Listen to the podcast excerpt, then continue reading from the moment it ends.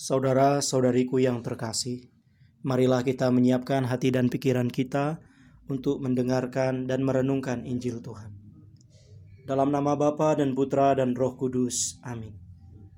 Allah Bapa di surga, kami mengucap syukur kepadamu atas rahmat yang selalu Engkau berikan kepada kami hingga saat ini.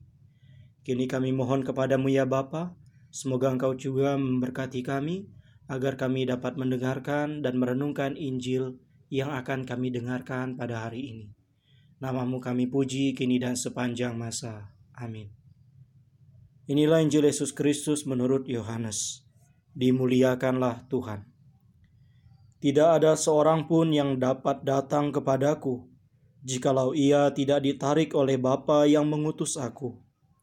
Dan ia akan kubangkitkan pada akhir zaman ada tertulis dalam kitab nabi-nabi, dan mereka semua akan diajar oleh Allah, dan setiap orang yang telah mendengar dan menerima pengajaran dari Bapa datang kepadaku. Hal itu tidak berarti bahwa ada orang yang telah melihat Bapa. Hanya dia yang datang dari Allah, dialah yang telah melihat Bapa. Aku berkata kepadamu, sesungguhnya barang siapa percaya ia mempunyai hidup yang kekal. Akulah roti hidup. Nenek moyangmu telah makan mana di padang gurun, dan mereka telah mati. Inilah roti yang turun dari surga. Barang siapa makan daripadanya, ia tidak akan mati. Akulah roti hidup yang telah turun dari surga. Jikalau seorang makan dari roti ini, ia akan hidup selama-lamanya dan roti yang kuberikan itu ialah dagingku yang akan kuberikan untuk hidup dunia.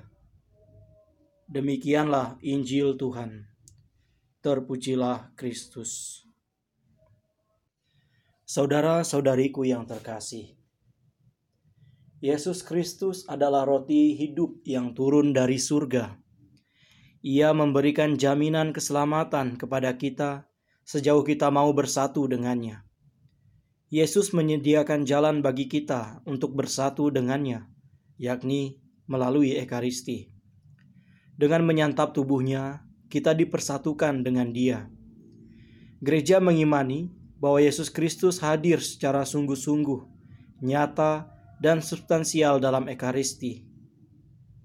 Secara sakramental, kehadirannya kita alami dalam rupa roti dan anggur Ekaristi maka dengan menyantap tubuh darah Kristus, kita mengalami kesatuan dengannya, dan dengan itu pula kita akan hidup selama-lamanya. Roti hidup itu adalah tubuh Yesus sendiri yang Ia berikan kepada kita. Kita patut bersyukur karena kita diberi kesempatan untuk hadir dalam Ekaristi, bersatu dengan Kristus, Sang Roti hidup itu. Namun, Apakah kita sungguh memberi hati dan waktu untuknya? Apakah dalam masa pandemi ini kita sungguh menghayati Ekaristi sebagai perjumpaan yang luar biasa dengan Yesus? Semoga keyakinan akan kehadiran Kristus yang sungguh nyata dalam Ekaristi terus bertumbuh dan mendorong kita untuk menyantapnya dengan hormat, penuh iman, dan bersih dari noda dosa. Tuhan memberkati. Amin. Marilah berdoa. Tuhan Yesus, bukalah hati dan pikiranku akan kehadiranmu dalam Ekaristi. Semoga dalam masa pandemi ini, aku tetap selalu menghargai kehadiranmu di dalam Ekaristi Kudus. Sebab engkaulah Allah kami kini dan sepanjang masa. Amin. Dalam nama Bapa dan Putra dan Roh Kudus. Amin.